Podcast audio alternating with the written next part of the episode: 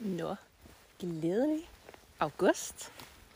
Og måske velkommen tilbage fra en dejlig sommerferie. En sommerferie, der har budt på dansk sommervejr, når det er bedst.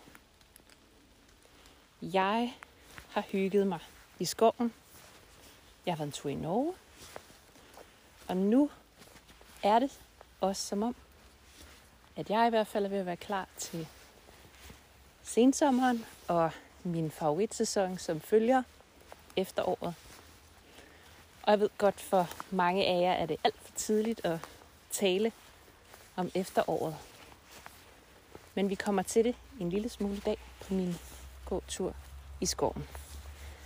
Mit navn det er Maria Garde, og du lytter til Naturfolk. Vi finder tilbage til naturen. Velkommen til fjerde sæson af den her podcast-serie, der handler om at komme mere ud. Det har lige regnet igen. Vi har haft et hav af skybrud de seneste dage, oven på et par tørre uger. Danmark trængte til vand. Skoven trængte til vand herude. Det kunne man især se, fordi skovvejene var enormt støvede. Man kunne også se det, fordi mos var helt fladt og falmet i farven. Mos har jo ikke øh, rodnet, men optager næring gennem cellerne. Og derfor reagerer det selvfølgelig, når der lige pludselig er tørke. Men det er også ekstremt hårdfør, og det vil sige, at mange mosarter kan tåle ret lang tids tørke. Men lige nu står det så smukt. Jeg går og kigger på en skrant fyldt med penselmos og ædelsypresmus. Og en del af de her mosser har lige nu nogle små stilke. Det ligner små bønnespiger. Det er sporehusene. Og sporehuse kan se ud på lidt forskellige måder.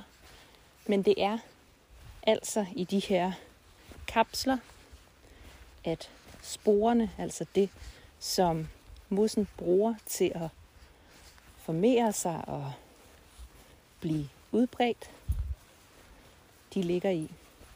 Og de her sporhuse, de er under et vist tryk, og når trykket det simpelthen bliver for højt, jamen så springer de, og så bliver de her sporer kylet ud i naturen. Nogle sporehuse er sådan en lidt hul skål, og de øh, springer, når en regndråbe rammer helt perfekt. Så brister sporehuset, og sporer flyver ud i naturen. Det er sådan nogle små, fine detaljer, som jeg i høj grad nyder at komme ud og opleve. Og sådan nogle detaljer er der jo året rundt.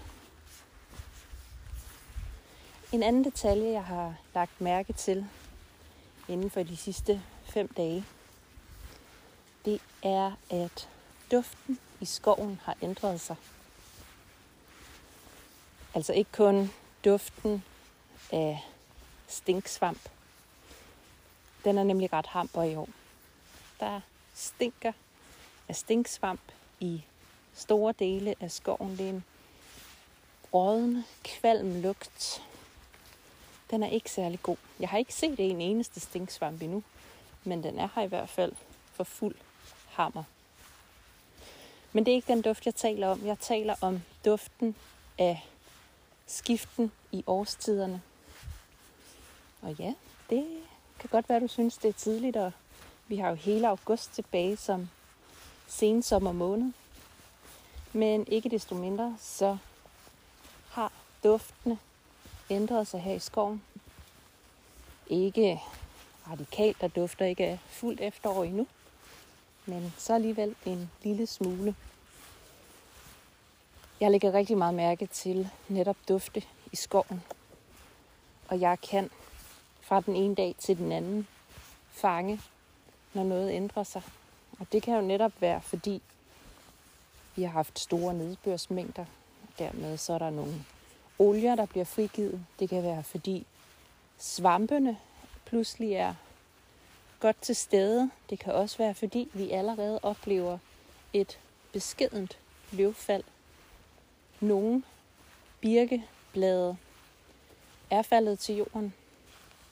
Og spidsløn, jamen der går jeg og kigger på guldnede blade i skovbunden.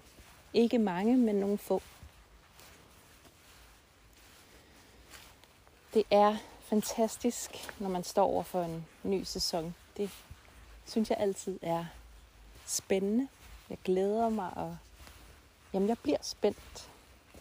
Hvad end det er efterår, vinter, forår eller sommer, så synes jeg, det kan noget.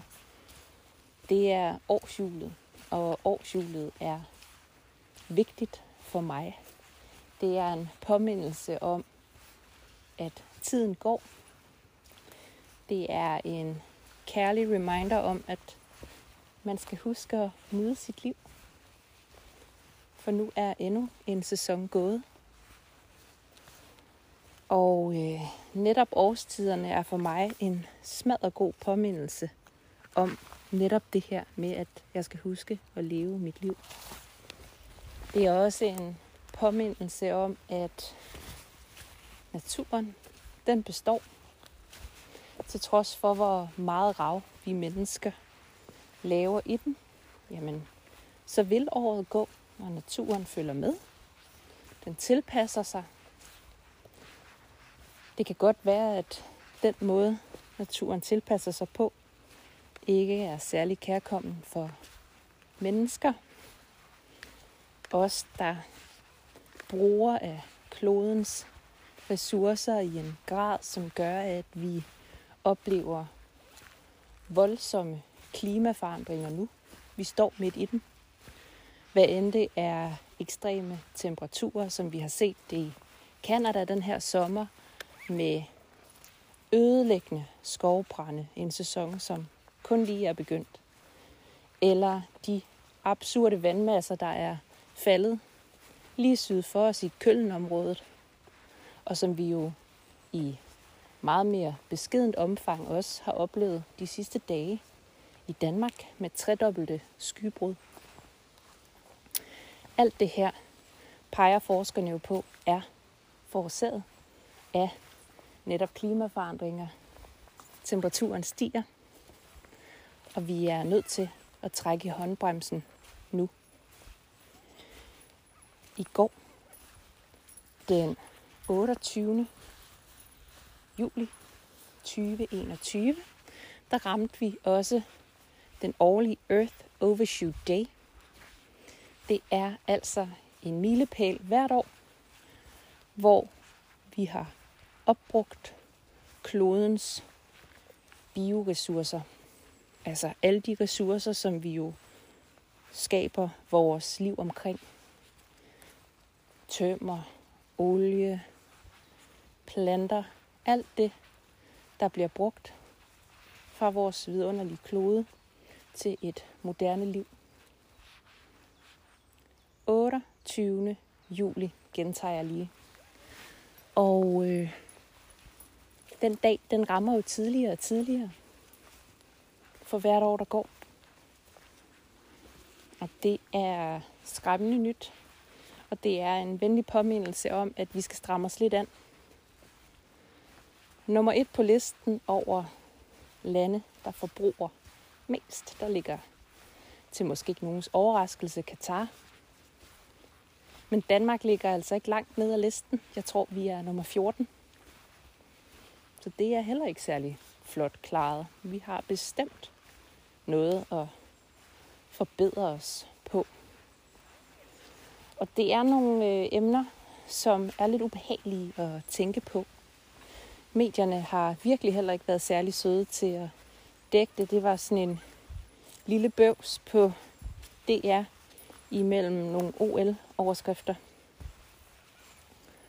Ikke desto mindre, så er det jo noget, der er vigtigt, at vi sætter os ind i, så vi kan sætte vores stemme et fornuftigt sted og håbe, at politikerne gør noget ved det. Og vi kan handle anderledes i vores hverdag, at vi kan kræve noget af de virksomheder, vi arbejder for. Jeg tror på, at oplysning er vejen frem. Og det er også derfor, jeg bringer nogle af de her lidt tungere emner op i min podcast-serie, der jo ellers er fuld af feel good og ude i naturen og lære om den. Men vi kan og må bare ikke glemme, at der er en virkelighed, som kalder på, at hele verden tager sig sammen nu. Du kan se meget mere om Earth Overshoot Day, hvis du stryger en tur forbi Google. Der er masser af spændende læsning. Både om, hvad det vil sige med vores vanvittige forbrug af naturens ressourcer, og hvad vi kan gøre ved det også. For man skal ikke være lammet af frygt, selvom det er nogle store problematikker, der kan være enormt svære at overskue. Jeg tror på, at vi finder en løsning. Jeg tror ikke på, at det bliver perfekt. Jeg tror på, at vi kommer til at opleve voldsomme klimaforandringer.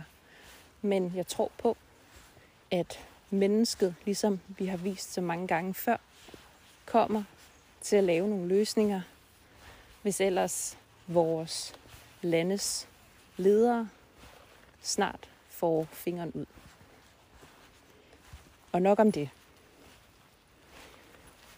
Jeg er fortsat ude i skoven. Lige nu er jeg på vej ud i en vidunderlig lysning. Og solen står lidt lavt. Lyset har nemlig også ændret sig herude. Det har også skiftet lidt sæson, siden vi hørtes ved sidst. Lyset er en lille smule varmere og lidt lavere selvfølgelig. Desuden så har jeg de sidste par dage også spottet den helt vildt smukke svamp guldgaffel. Den er en del af en øh, svampefamilie, som jeg på stående fod ikke kan huske, hvad hedder. Måske er det køllesvampe. Den er en del af det, tror jeg faktisk. Og guldgaffel, den ligner en koral. Bare i skoven. Den er gylden orange og er en af mine yndlingssvampe og spotte. Den er meget øh, æstetisk og er også sådan en hyggelig reminder om, at vi er ved at skifte sæson. Og det elsker jeg altså. Der er stadigvæk en masse sensommer tilbage. Det er bare at se sig om efter de lækre bær ude i skoven for eksempel.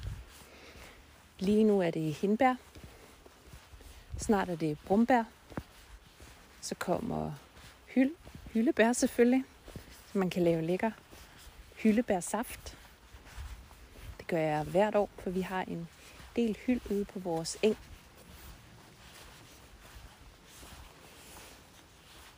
Jeg går forbi en hyld lige nu, og der kan jeg da se, der sidder store bær, der er sådan fæsent røde lige nu. De bliver jo meget mørke, når de er modne og klar. Og der dufter sådan lidt sødt her. Det er rigtig hyggeligt. Skoven er pladervåd, så det er altså med gummistøvler på. Selv ikke mine store vandrestøvler kan klare hele tiden at blive eksponeret for så meget vand i det høje græs, jeg går igennem her. Så jeg har taget mine nye gummistøvler på. Jeg passerer lige nu et engstykke, der altid er godt snasket, så der er lagt brædder ud, man kan gå på af en venlig lodsejer. Og øh, på min venstre side, der står der mands høje tisler, ligesom der gør hjemme på vores egen eng lige nu. De er snart ved at være afblomstret, men er jo også en smuk om en stikkende plante. Men vi lader den altid stå, og det gør lodsejer her altså også, fordi sommerfuglene elsker det. Jeg kigger på lige nu i hvert fald 15 sommerfugle, jeg lige kan se med det blotte øje hurtigt. Og jeg ved, der er masser af sværmer og humlebier og svigerfluer derude også lige nu. Fordi det er nogle af de blomstrende planter, der er tilbage herude på, på engen. Så nogle gange så skal man altså huske at lade sine områder stå, for insekterne er så glade for det, ligesom vi jo også har fået tudet ørerne fulde af i forskellige programmer med blandt andet Frank Eriksen og Morten D.D. i spidsen. Den sti, jeg går på lige nu, for uden et engstykke, der får lov at stå fyldt med sommerfugle, så er det også på den her strækning, at jeg har været heldig at møde grævlingen. En hyggelig fætter, der jo som bekendt kommer lundende. Jeg har ikke været på jagt efter hulen. Det har jeg egentlig heller ikke tænkt mig. Det er lidt magisk at vide, at den bor herude et sted, og jeg skal egentlig ikke blande mig i, hvor det er. Derhjemme på grunden ved vores skovsø, der er der også sket gode ting her i den sidste måneds tid. Isfuglen er nemlig landet. Jeg troede ellers ikke, den kom i år. Den plejer at komme, og den plejer at komme tidligere på sæsonen, men det gjorde den altså ikke i år. Men den kom for en uge siden. Jeg har hørt den mange gange, og i dag der så jeg den for første gang. Det hissige pip efterfulgt af et blåt lyn hen over søen. Så nu er alt, som det plejer. Søen er fyldt med lækker fisk. Blandt andet abor. Og øh, isfuglen er kommet for at tage del i måltidet sammen med de to fiskehajer, som dog kun er der, når vi ikke er udenfor. Det vil sige aften og tidlig morgen kommer der konsekvent to fiskehejre og mæsker sig. Så det er jo rigtig fint, for vi har mange fisk, og det er rigtig godt, at der kommer nogen og rydder lidt op i det. Jeg håber lidt på at nå i år at få sat nogle nøkkelroser, altså en åkende type ud i vores skovsø. Både fordi det er smukt, men også fordi det er godt for søen.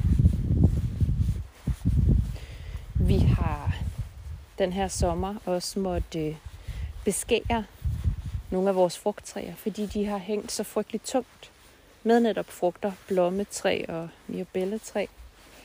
Nogle øh, frugttræer, som desværre ofte er fyldt med orm, og derfor er det ikke noget, vi spiser så meget af. Men øh, i år sidder der så meget frugt, at et af de gamle træer simpelthen var ved at give efter, så vi har været ude og beskære og beskære og tage frugt ned, inden det er modent, og ja, smide det over i skoven.